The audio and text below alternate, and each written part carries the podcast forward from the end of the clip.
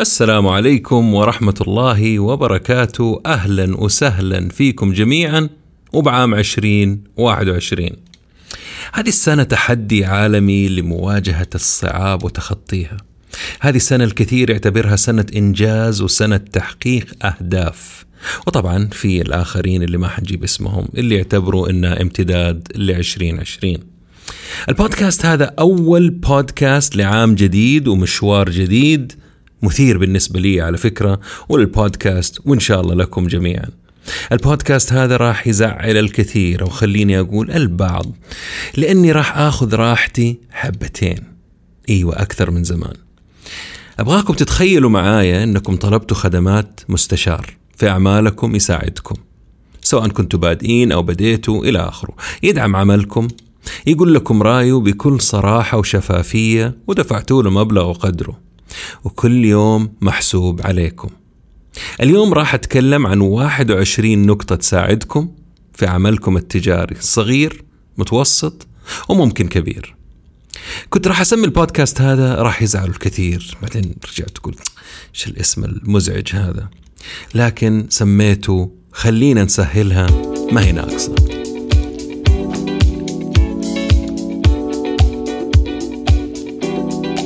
أهلا وسهلا. عالم البزنس عالم مثير كبير متغير وله جوانب مختلفة. ولأنه موضوع يهمنا وطفشنا من التنظير والتكرار والفلسفة اللي ما وراها فايدة. صرت أدور الدروس والمفاهيم والطرق الجديدة والعبر من القديمة وتأثيرها على حياتنا اليوم وبكرة. أتناول أي شيء له صلة بعالم الأعمال من قريب أو بعيد. مقابلاتي مع المفيدين بس. بودكاست عالمي متجدد بنكهة محلية وأهم شيء أهم شيء عملي وعربي. يا هلا وسهلا بالجميع في بودكاست نتكلم بزنس مع ممدوح الردادي.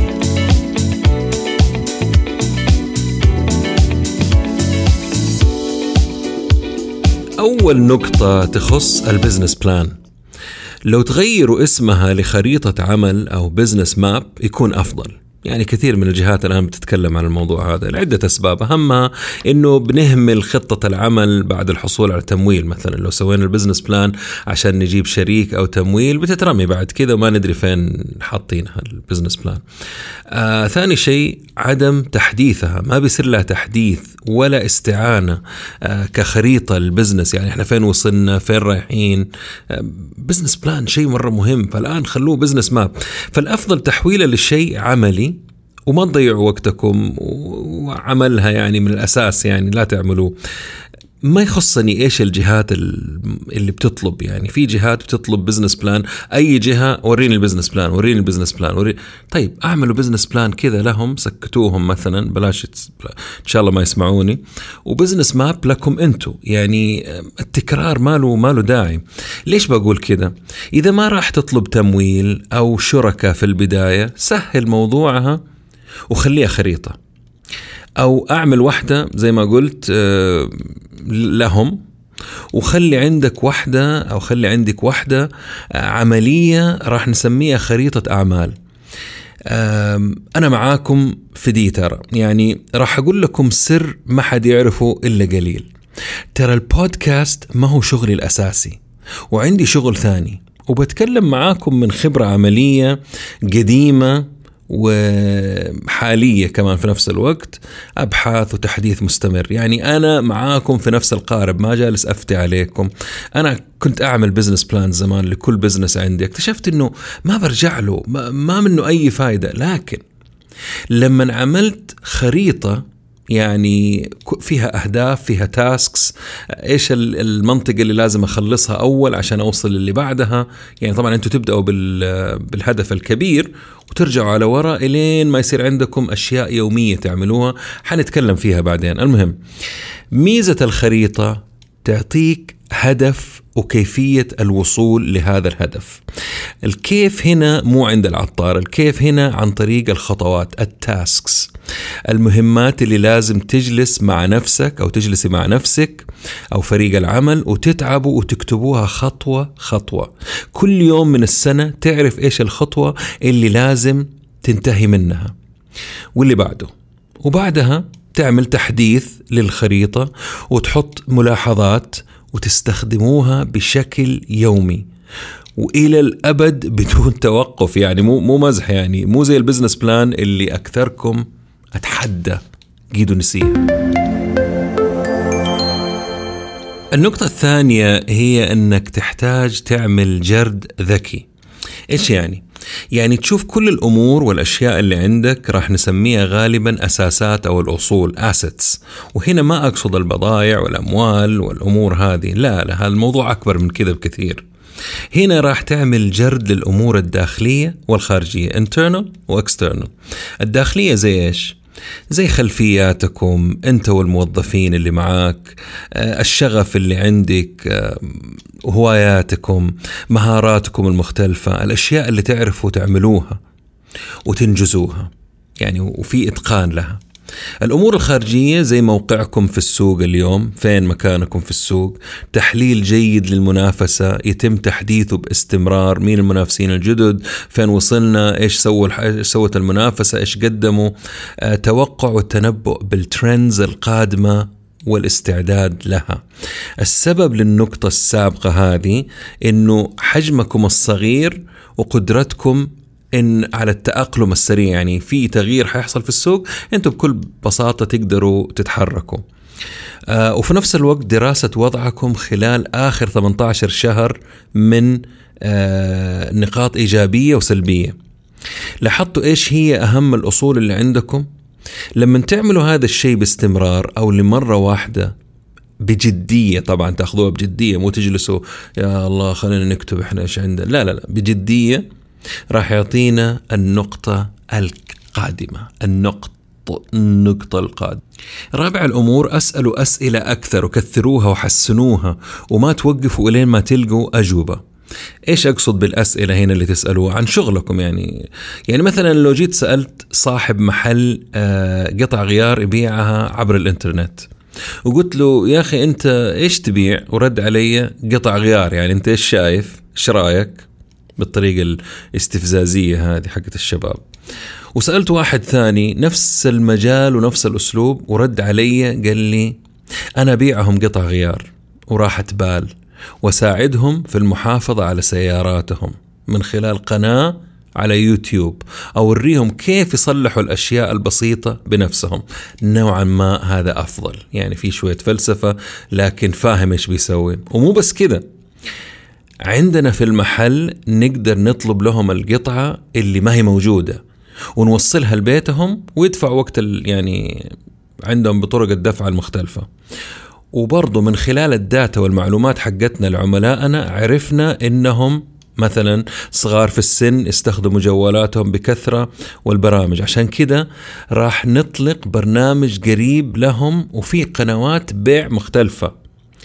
يعني مين في رأيكم اللي عنده عشق لعمله وجاوب أسئلة كثيرة وسألها قبل كذا ومين في الطراوة وغصبا عنه بيشتغل؟ أكيد واضحة الصورة عندكم يعني. النقطة الخامسة تخص التسويق وال branding بكل بساطة التسويق كيف تعلم الناس عن وجودك؟ كيف تقول لهم أنت موجود وإيش بتبيع؟ وال branding الوعد اللي وعدتهم هو وكيف مهتم وتخاف إنك ما تخلفه. آسف انتهى الكلام في التسويق وال branding في كمية معلومات حول هالموضوعين تحس إن عندنا يعني صرع بيهم. نفس الصرع حقنا في محلات البرجر والمخص والقهوة المختصة. سادس الأمور حاجة اسمها SPICK. أخذتها لقطة من كتاب عجبتني. اختصار لشغلة مرة حلوة وراح تفيدكم في شغلكم وتقدروا أنتوا طبعا تعملوا deviation آه، لها تغيروا فيها. SPICK uh, اللي هي services products intel أو ال data customers and knowledge بالعربي يعني كل حرف له له كلمة بالعربي. uh, الخدمات المنتجات المعلومات العملاء والعلم. نفس عملية السوات ولكنها تعطي أمور آه، أخرى تهم عملكم.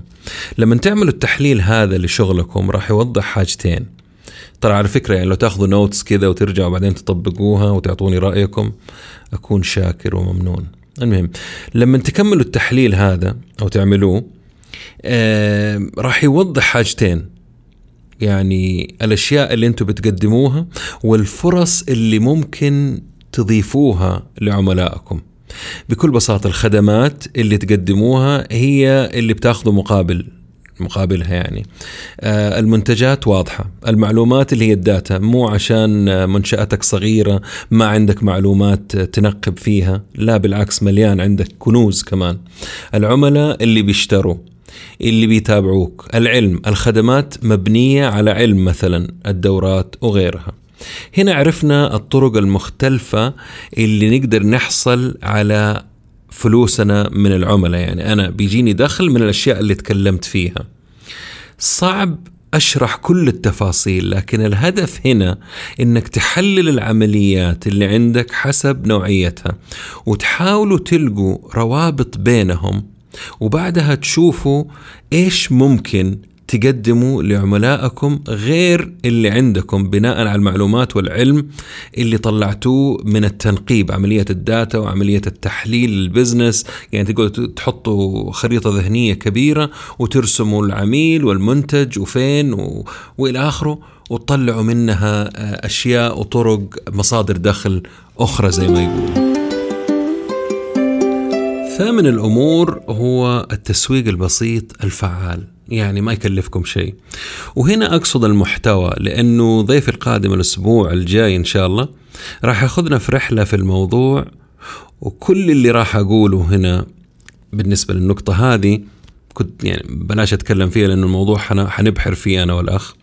آه إنك لما تصنع أو تقدم محتوى أو حلول آه حاول لو سمحت إنه يكون أو سمحتي مفيد غير مكرر واضح ينفعنا وممكن تبيعه لكن انت قررت انك تقدمه مجانا. ليش؟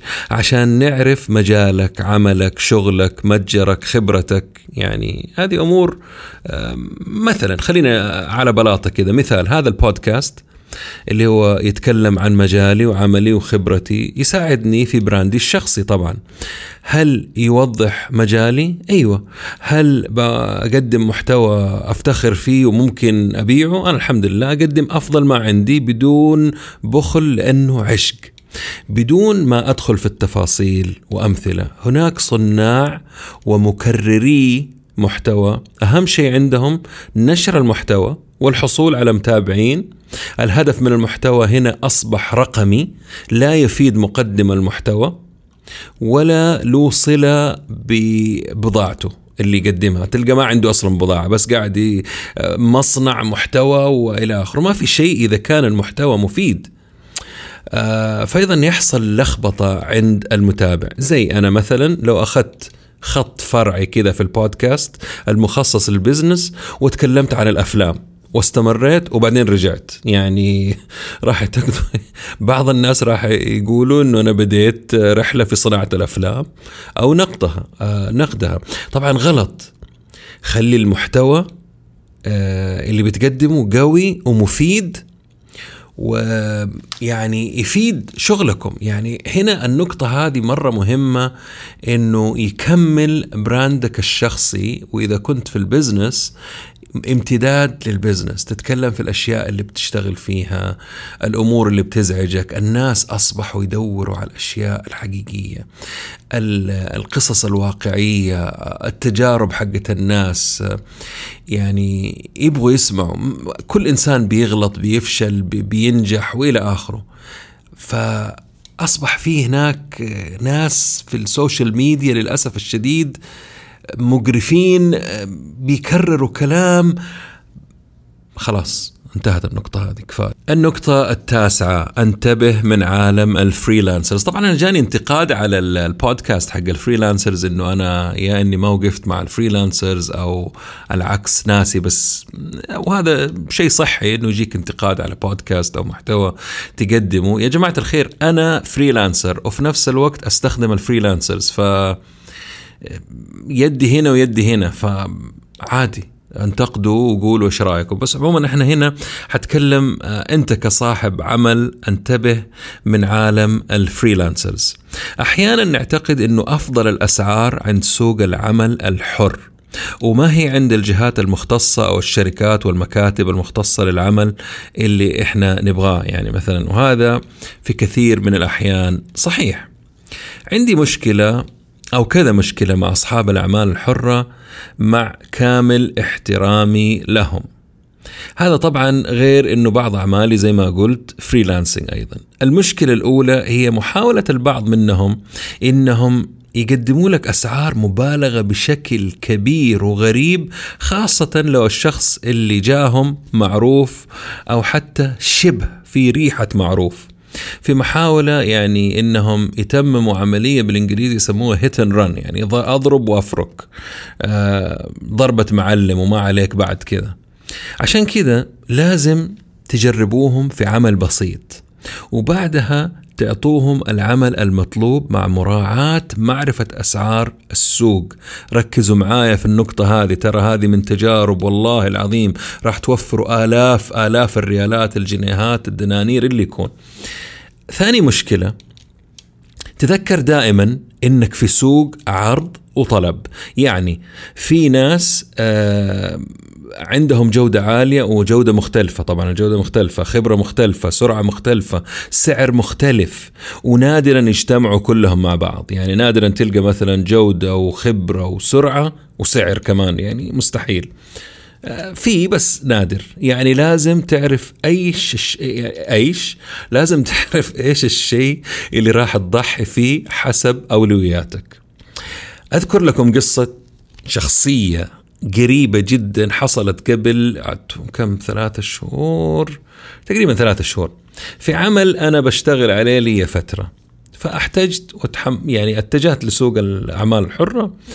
وعلى فكرة تراني متمرس نوعا ما في كبائع ومشتري. يعني يمكن مشتري أكثر من بائع. ما البيع عندي بيكون استشارات يعني لكن الشراء في كل شيء بشتري. وعن طريق معرفة توصلت لوحدة أو أحد الأشخاص أوف فضحتها واحدة. المهم اللي تقدم الخدمة وبعد عرض المشروع لها وقبولها الفكرة اختفت كم يوم بعدين أعطتني تج... التسعير اللي أعطتني هي تجاوزت الستين ألف ريال. عرفت إنها مبالغة. طلبت منها إنها تخفض السعر. أبغى أشتغل معاها وأبغى أعطيها فرصة وإلى آخره. وتقلل المدة حقه التسليم. يعني أبغاها تخفض السعر وتسرع عملية آه، تسليم الشيء اللي أبغاه. قالت لي وبكل ثقة إنها لن تنزل عن خمسين ألف ريال. يعني نقصت لي عشر ألاف ريال. بأي حال من الأحوال. قالت طبعا يعني وتقريبا تقريبا للأسف وافقت لأني مزنوق. وسبحان الله قلت خليني أسأل مختص في الموضوع. ولما سمع السعر ضحك ضحك من قلبه. وقال لي لو ضربتها الحمى عشرين ألف ريال وتلقى الشغلة عند ال professionals ب ألف ريال. تخيلوا. يعني اللي حصل بعد كده إنه سبحان الله يعني آه، الطمع ماله ما جمع. اللي حصل انها بدأت يعني ما ترد آه، على التليفون في الوقت المناسب. وكلمت الشخص اللي وصلني لها ويعني قال لي والله هذا من طباعها. طب يا أخي قل لي من البداية إنه من طباعها ما ترد وتتأخر في الشغل وإلى آخره. فرجعت للشخص اللي نصحني إنه ترى يكلفك 20 و 12 ألف شيء زي كذا وهو دلني على كذا شخص وفعلا أسعارهم كانت آه، خليني أقول 25 12 و500 و... وفي الأخير لقيت السعر اللي أنا أبغاه بالجودة اللي أنا أبغاها. فالسوق مرة مرة غريب وجديد علينا وفي ناس جالسين يستغلوه بطريقة غلط على فكرة. طبعا هذا حيضرهم هم على المدى البعيد لكن في نفس الوقت حيضرنا إحنا على المدى القريب. قبل ما انتقل للنقطة اللي بعد كذا ماني داري هي تسعة ولا عشرة أبغى أكمل بس نقطتين مهمة في الفريلانسرز. آه احترام الوقت والتسليم مربوط بكمية الأعذار وعدم الرد على الاتصالات في أوقات الدوام الرسمي. لازم آه تجتهدوا وتبحثوا وتسألوا والطرق كثيرة منها شبكات التواصل والجروبات المغلقة على واتساب وغيره. وشيء أخير أتمنى لما تدوروا على خدمة تكون الخدمة خاصة يعني لكم أنتم لشغلكم. بلاش شغل البخل على مشروعكم. المعلومات العامة عامة. تختلف اختلاف كبير عن معلوماتكم الخاصة اللي تخص مشروعكم. آه، لها قيمة لازم تدفعوها. تسعة أعتقد دقيقة بالله بس أراجع الورقة تسعة ولا عشرة لا المفروض عشرة هذه. طيب يعني في غلط عندي هنا في الأرقام. تسعة اللي هي الخبير والمستشار مهم لأنه يعتبر شخص من خارج دائرتك المباشرة وممكن يشوف شيء أنت أو أنت ما تشوفيه بناء على خبرته وطريقة تحليله. أطلب منهم اولا تقييم للوضع بدون مقابل وبعدها إذا يقدروا يقدموا استشارة أسأل عن المخرجات اللي راح يقدموها وبكم ومتى يسلموها. زيهم زي أي جهة تشتري منها خدمة. لا تكبروا موضوعهم ولا تصغروا. سهلوا. النقطة الحادية عشر. تقديراتكم الأولية غالبا غلط في غلط. تعتقدوا أنكم راح تنتهوا من التطبيق حقكم خلال شهر؟ أعطوا نفسكم ستة شهور أو أكثر. تعتقدوا راح تقفلوا أول صفقة خلال أسبوع من إطلاق مشروعكم؟ أعطوا نفسكم كم أسبوع زيادة أو شهر على الأقل. طبعا هنا تختلف المشاريع في المشروع اللي هو business واقعي زي مطعم أو غيره وهذا غير على حسب التسويق حقه بيجي له دخل. لكن إذا تطبيق أو business ثاني ياخذ وقت.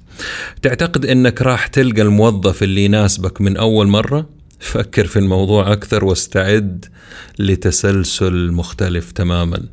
تعتقد أنه المبلغ اللي حاطه كميزانية يكفي؟ راجع حساباتك كويس. العالم على الورق يختلف اختلاف جذري عن العالم الحقيقي. يعني شوفوا لأي درجة الثقة عند البعض للأسف الشديد وعدم الاستعداد آه، بيورطهم. كنت بتفرج قبل آه، أربع أيام. على حلقة لبرنامج شارك تانك السعودي اللي هو أظن اسمه الهوامير أو شيء زي كذا. واحد يبغى تمويل 150 ألف ريال عشان تطبيق توصيل معلمات. إيوه توصيل معلمات بأوتوبيسات أو شيء زي كذا. بعد ما رفضوا الفكرة حقته كل المستثمرين واحد ورا الثاني يعني واحد منهم تبرع له وقال له أسمع راجع حساباتك وترى تحتاج أكثر بكثير من المبلغ اللي أنت طالبه لأنه كل واحد فيهم قال له أنا حاسس انه ال 150 هذه ما تكفي وهو يقول لهم لا لأنه أنا هعمل كذا وأعمل كذا ويجاوبهم. آه قال له يا ابن الحلال بنقول لك ما يكفي برنامج التتبع حق السيارات لوحده راح يكلفك 250 ألف ريال. خفضوا سقف توقعاتكم وأعطوا نفسكم ومشروعكم فرصة للنجاح بعيد عن الأرق والقلق اللي أنتم راح تخلقوه لنفسكم. نقطة 12 وظف على مهلك وأطرد بسرعة. تخلص من الناس اللي ما يفيدوك بسرعة نصيحة عالمية من عالم الأعمال خذ وقتك وتعرف على الشخص اللي راح توظفه قبل ما تتورط فيه لي زميل عنده موظف كل شغله عمل بلبلة في الشركة وما يبغى يتخلص منه لأنه إنسان طيب وما عمره طرد أحد. جزاه الله ألف خير وعنده خير ما شاء الله لكن غيره بحاجة لكل ريال أو دولار أو جنيه. وفاتح شركة أو مشروع عشان يسترزق. أي إنسان ما يناسبك وعملك آه وما هو يعني وجالس يسوي مثلا مشاكل بدون فايدة أعطيه راتب وقول له شكرا. في شركات تعطي خمسة آلاف دولار عشان تمشي بس ودوروا عليها اسمها زابوز في أمريكا. أعتقد اشترتها منهم اشترت الشركة أمازون هي نقطة 13 نعم للنموذج الأولي ولا للخرابيط الغير مكتملة. أي نعم. طلبنا منكم تعملوا نموذج أولي وتجربوه في السوق وتختبروه لكن ما طلبنا منكم إنكم تنزلوا آه، بنص نموذج أولي غير مكتمل يفشل وتفتحوا البزنس حقكم. لابد إنك تتعب وتراجع الورق أول وبعدها في مختبرك الخاص مرة واثنين وعشرة وبعدها تتأكد إنه الهدف الأساسي حق نموذجك واضح مكتمل وبعدها تنزل السوق. في نفس الوقت ما بأطلب منك الكمال في النموذج. ما في ولا منتج في العالم نزل مكتمل من أول مرة. كل المنتجات تمر بمراحل نمو مختلفة والتطبيقات مثلا عندها التحديثات المستمرة من أصغر تطبيق لأكبر الشركات زي أبل وغيرها. هل نموذجك الأولي اكتملت فيه الأمور التالية اللي راح أذكرها؟ تقديم الوعد اللي أنت وعدته. تقديم الخدمة بكل سهولة ركزوا على كلمة سهولة. آه، استلام المبالغ من العملاء بطريقة سلسة. آه، يعمل بدون توقف متكرر على الأجهزة الخاصة اللي معمولة له. لو محل كل الأمور جاهزة وتشتغل وعندك كل أمورك لو متجر إلكتروني هل هو شغال بالطريقة المتوقعة؟ هل تقدر ترجع البضاعة بالطريقة بسيطة جدا؟ هل الموظفين يعرفوا كل شيء عن اللي أنتم بتقدموه؟ ولا لازم يرجعوا لك عشان يحاولوا أو يجاوبوا عفوا العميل اللي قدامهم. الكلام الكثير في النماذج الأولية حرق تطبيقات ومشاريع كثيرة بمجرد نزولها للسوق والعميل اللي زارهم أول مرة عمره ما راح يرجع لهم. هذا وهم تعبوا شهور بالتسويق والدعاية عشان يجيبوه. أتمنى تكون الفكرة وصلت بكل شفافية.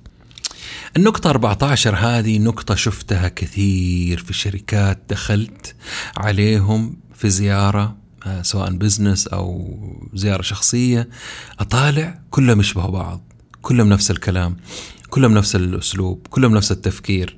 لا توظف ناس نسخة منك لو أنت المدير. كثير منا تاخذ العزة بالاسم ويبدأوا يدوروا على ناس تشبه تفكيرهم بالضبط يتفقوا معاهم. هنا يتفقوا معاهم ما يختلفوا معاهم نهائيا. في فرق بين شخص فاهم هدفي ويتفق إنه الفكرة جيدة وبين شخص نسخة مكررة مني. تحتاج فريق عمل متجانس طبعا لكن مختلف وتفكيره غير. تحتاج ناس تناقشها وتختلف معاها وتختلف معاك وتتحدى الأفكار المطروحة. معادلة صعبة أنا عارف ولكنها مهمة وهي سبب نجاح أكثر شركات العالم. طبعا ما تبغى إنسان يختلف لمجرد أنه يبغى يكون مختلف هذا ما ينفعك نهائيا. في حاجة في الإدارة يعني تعاني منها الكثير من الشركات. و يعني هذا الشيء اسمه أعتقد والله ناسي group blindness العميان الجماعي. اللي يحصل هنا إنه تكون في مشكلة أو فرصة والكل زي المدير أو صاحب المش... المشروع نفسه تفكيرهم واحد وعشان تفكيرهم ونظرتهم وتخطيطهم واحد ما يشوفوا لا المشكلة ولا الفرصة كلهم زي بعض. فالدايفرسيتي التنوع في قوة آه، يعني في قوة ويساعدك في النقطة الثانية اللي تكلمت عنها في البداية. النقطة 14 نقطة أنا أقدرها جدا وأحبها وأعشقها النوم. النوم هو الحل. إذا عندك مشكلة وما أنت لاقي لها حل شغل أفضل مستشار ممكن تلقاه في العالم. عقلك الباطن. أتركه يفكر وانت مريح هو يشتغل وروح أشتغل في شيء ثاني. يعني انت أنت عندك مشكلة. أوكي حلو دحين حتحاربوني يا عم عندي مشكلة. كيف؟ أترك المشكلة شوية وروح أشتغل في شغلانة ثانية. مش معقول ما عندك غير الشغلانة هذه. اشتغل في شغلانة ثانية وخلي عقلك الباطن يتكتك لك كذا على نار هادئه يجيب لك الحل. راح يفاجئك ويسلمك الحل وأنت بتاخذ شاور أو توك صاحي من النوم. أو بعد تمرين رياضي. ما تدري متى. بس يعتمد عليه. يعني خذوا مني هذه وأقروا فيها. سووا بحوث الدنيا كلها. ترى النوم سلطان فعلا. رقم 16 روح الفريق حلوة. واللي أحلى منها ما في إلا قبطان واحد للسفينة. شفتوا كيف قريتها بشويش؟ حرجع أقرأها مرة ثانية. روح الفريق مرة حلوة. واللي أحلى منها إنه ما في إلا قبطان واحد للسفينة. كل شيء مع الفريق أفضل وأجمل ولكن المدير والقائد واحد. ولازم الفريق يعرف مين القائد وإنه له الكلمة الأخيرة ومسموعة لأنه صاحب الرؤية وصاحب المشروع أو السي أو إلى آخره. أحيانا تلقى السفينة جالسة تدور حول نفسها. السبب أنه الفريق كل واحد فيهم جالس يفتي أنه يعرف الطريق وطريقته الصحيحة. تسأله مين اللي قال لك؟ هل أخذت موافقة المدير؟ يقول لك طبعا أنا فهمت فهمت ركزوا لي على فهمت بولد ايتاليك كل شيء. أنا فهمت إنه يبغى الشغلة بالطريقة هذه. تدخل بسرعة وكرر عليهم ما في قرار رئيسي يتم بدون الرجوع وأخذ موافقة منك شخصيا خاصة إذا كان يؤثر على الشغل. طبعا يختلف الموضوع لو عندك نائب أو طريقة العمل عندك آه، تسمح بالاجتهاد الشخصي لكن غالبا وفي الفترة الأولى أنت الكابتن فقط ما في أحد غيرك. المفروض يتخذ القرارات الجريئة ويلخبط شغل الفريق كامل. النقطة هذه رقم 17 اسمها عودة أو أو دي اي زي العودة حقتنا بس مختلفة طبعا. هنا عودة stands for observe, orient, decide and act. راقب. تموقع يعني خذ موقع قرر واتخذ الخطوة. هنا الطريقة هذه اكتشفتها تساعدك تتحرك بسرعة على عكس المنافسين الكبار والشركات الكبيرة اللي تعاني من البيروقراطية وبطيئين في اتخاذ القرارات حتى لو لقوا فرصة في السوق. يعني حياخذوا الفرصة لكن ياخذوا وقت عبل ما يتخذوا القرار. بحكم صغر حجم منشأتك تعتبر جهة عندها ليونة ومرونة كبيرة. وهذه تعتبر ميزة تنافسية ترى للمنشآت الصغيرة والمتوسطة. لو رجعنا للمختصر حق عودة غير العودة حقتنا الكمبودي والهندي أول شيء لازم تكون مراقب جيد للساحة التنافسية والترندز اللي حاصلة وتعرف متى راح يحصل تغيير. الشيء الثاني لازم تعرف تاخذ موقع في السوق يخليك جاهز لهذا التغيير بمجرد إنه ما يحصل ما يحصل التغيير هذا أنت موجود وتقدر تخدم العملاء آه، يعني تكسب مثلا عملاء جدد في شيء ثاني مختلف تماما. الشيء الثالث القرارات لازم تكون سلسة وسريعة. آخر خطوة هي اتخاذ الخطوة نفسها. طريقة حلوة لو يعني الكل عندكم يكون فاهمها في منشآتكم الصغيرة.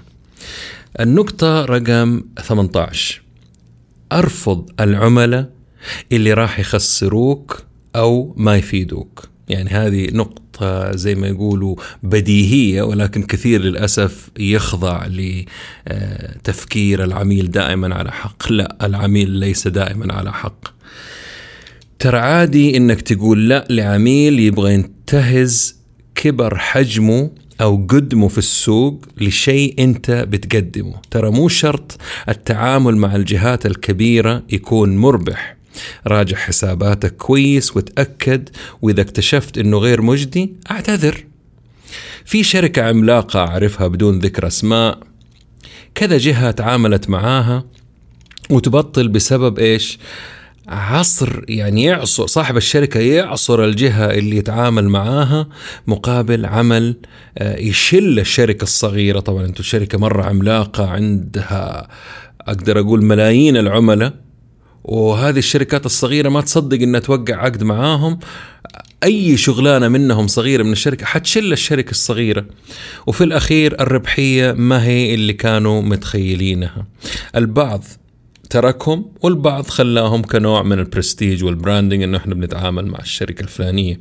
أنت في السوق عشان تعمل فلوس مو تجامل على حساب نفسك ومستقبلك. الحتة هذه أو النقطة هذه رقم 19 تقدروا تقولوا إنها تحت ال branding آه، إيش يميزك عن غيرك في السوق؟ لازم يكون عندك ميزة تنافسية واضحة وضوح الشمس.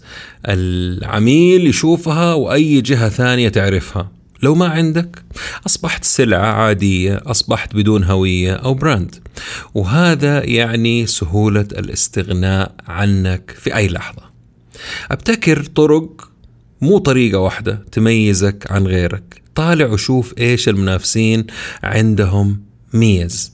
وأمشي على نفس التيار يعني مو تقلدهم. تحسين طبعا أو تغيير أو آه، ابتكار شيء من عندك. آه، لازم يفتكرك العميل عشان شغلة معينة. يعني أنا أروح للجهة هذه عشان كذا. أنا أروح أحيانا يكون شخص يعني على المستوى الشخصي مثلا ممكن موظف استقبال يساعد العملاء اللي بيتعاملوا مع منشأتهم إنه يصاحبهم ويساعدهم في عملهم بدل ما يكون حارس أمن مرعب مخيف يخوفهم وينفرهم يعطيهم معلومات تساعدهم يقول لهم مثلا إنه اليوم ترى مو يوم مناسب آه، تعرض خدماتك روح وراح أكلمك لما يكون يوم مناسب ورايقين المدراء عندنا. على مستوى المحلات إيش الإضافات اللي تقدمها بدون مقابل؟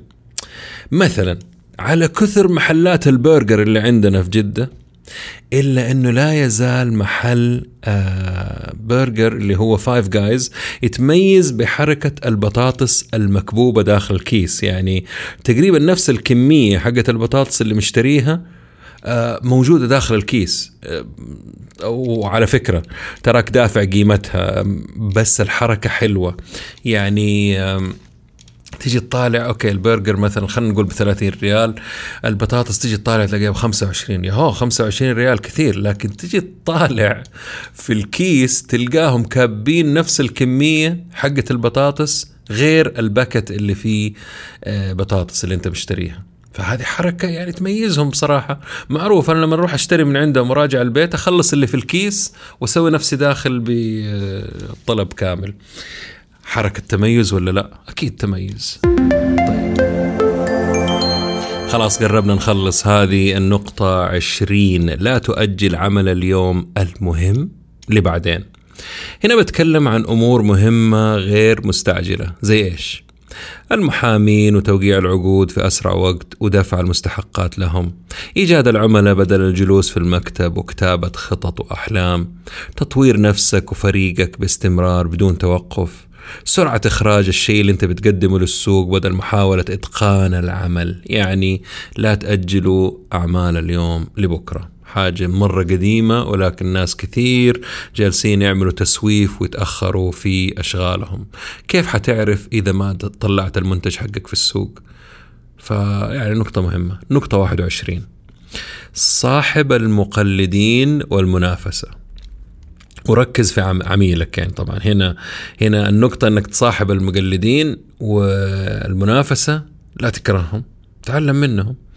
بس ركز في عميلك. يعني انسى التركيز على المقلدون والمنافسين وتحركاتهم ولا تكون منشأة تلعب في يعني تلعب على المرتدة. زي ما شفنا في البودكاست حق الابتكار الأخير كل ما ركزت الشركات في تطوير أعمالها وسد الثغرات اللي عندها وركزت على عملائها المنافسة انشغلت عنك وهي اللي راح تحاول تلحقك حتى لو كنت أصغر منهم وأحيانا تنساك. ما هو معناته ما تعرف إيش صاير في السوق؟ بالعكس أعرف إيش حاصل لكن تركيزك جهدك طاقتك عملك كله صبه في التقرب لعميلك وارضائه يا جماعة الخير أدخلوا على أي ساحة اجتماعية وشوفوا كيف تحول الوضع من شتم وكلام سيء على الجهات اللي بتقدم الخدمات لمحاولة تكبير وتفخيم اللي بيقدموا لهم خدمات حلوة. بنتذكرهم. الشخص اللي قدم لي خدمة كويسة بتذكره. الشخص اللي بيخسر عشاني بتذكره. فمرة مهم الموضوع إنكم كل ما تقربتوا بطريقتكم طبعا يعني ما تقدروا تقلدوا الباقيين. كثير أشوفهم 24 ساعة في منتديات في معارض في الساحات الاجتماعية نقاشات جانبية تحديث اللي عندهم والعملاء. ما حد سأل فيهم. يعني طيب وبعدين متى طيب؟ بعدين خلينا نخلص يعني الأجوبة اللي عندهم اللي هي كيف؟ خلينا نخلص من الشغل هذا. أول شيء لازم أتعلم لازم أشوف إيش في السوق لازم أروح أزيد آه، علاقاتي لازم أسوي بي ار لازم أطلع في الساحات الاجتماعية لازم يكون عندي متابعين. والعملاء مساكين بينتحروا. في ناس على فكرة آه، أنا متابعهم من بدايتهم معروفين جدا. كانوا مهتمين بالساحة الاجتماعية بشكل ومطنشين أبو العملاء. فجأة اكتشفوا أنه هذا خطر عليهم وحطوا ناس مناسبين وهم صاروا مهتمين وقل تواجدهم على الساحات الاجتماعية أو قننوه خليني أقول يعني. ترى ترى مرة مهم ومرة موجع الموضوع. أي نعم كانت 21 اكتشفت أنها 22 هذا اعتبروه بونس. 2020 انتهت خلاص بحلوها ومرها. هذه سنة جديدة. سنة 2021 في بدايتها. عندنا 12 شهر. الفرص اللي قدامك تقدر تنتهزها وتقدر تجلس تبكي على 2020 مع الباقين. العالم ما يوقف ترى. العالم ماشي ومستمر. الفرص ما تنتظر أحد. أهم شيء الآن معرفة الأهداف الكبيرة تقسيمها لشهور وأنا هنا أنصحكم بشغلة مرة تفيدني في اللي هي ال 12 ويك يير السنة أم 12 أسبوع. هذا كتاب نزل من كم سنة آه، فكرته بكل بساطة أنك تقسم السنة آه، عندك لأربع أقسام كل قسم ثلاثة شهور يعني 12 أسبوع. وبكذا تصبح السنة عندك 12 أسبوع داخل السنة الواحدة اللي هي حقتنا العادية في أربع سنين. الهدف هنا هو بث روح المبادرة وعدم إضاعة الوقت. من فين جاب فكرة الكتاب هذا الكاتب؟ يقول لك أنه لو طالعته في أي شركة في العالم وأي موظف اليوم بيسمعني أو مدير راح يعرف الشيء هذا. في بداية السنة نحط الأهداف ونشتغل على مهننا براحتنا خاصة إذا شركة كبيرة. وإذا مو الشهر هذا بعد الثلاثة شهور إذا مو بعد ثلاثة شهور ستة شهور إلين ما يجي شهر ديسمبر. والشركة تحس إنه كلها مولعة نار. يبغوا يحققوا التارجت حق السنة في آخر الشهر. في آخر شهر من السنة. 12 ش... 11 شهر مطنشين. وجايين آخر السنة تضغطوا على الموظفين المساكين والإدارات و... وتهديد ودنيا. فلما تعمل السنة حقتك ثلاثة شهور تصير 12 أسبوع وتقسم المهام حقتك على 12 أسبوع. يصير عندك فرصة لو ما خلصت في السنة الأولى تسويها في السنة القادمة. هذا ماني داري من الجوال ولا من المهم فوصلت الفكرة إن شاء الله. إذا ما وصلت كتاب ذا 12 ويك يير مرة مهم لكم. آه زي ما قلت الهدف هنا إنه بث روح المبادرة وعدم إضاعة الوقت وسرعة الإنجاز. بدل ما تقول باقي لنا ستة شهور راح تقول باقي لنا ستة أسابيع. والأسبوع واليوم راح يفرق معك آه قطعوا كل الأهداف اللي عندكم لأعمال أسبوعية وبعد كذا يومية. ولما توصل ليومية خليها واضحة ومسجلة من بداية السنة. كل يوم تصحوا من النوم وأنتم عارفين بالضبط كم شغلة أو تاسك عندكم لازم تنجزوه. هذه طريقة السنة هذه. tasks كل يوم أصحى أطالع عندي شيء في الصباح عندي شيء في الظهر عندي شيء في الليل. وعندي شيء في أي وقت من اليوم ولكن مكتوبة كتبتها في بداية السنة وقسمتها. كل ما استجدت شيء أضفته عليها.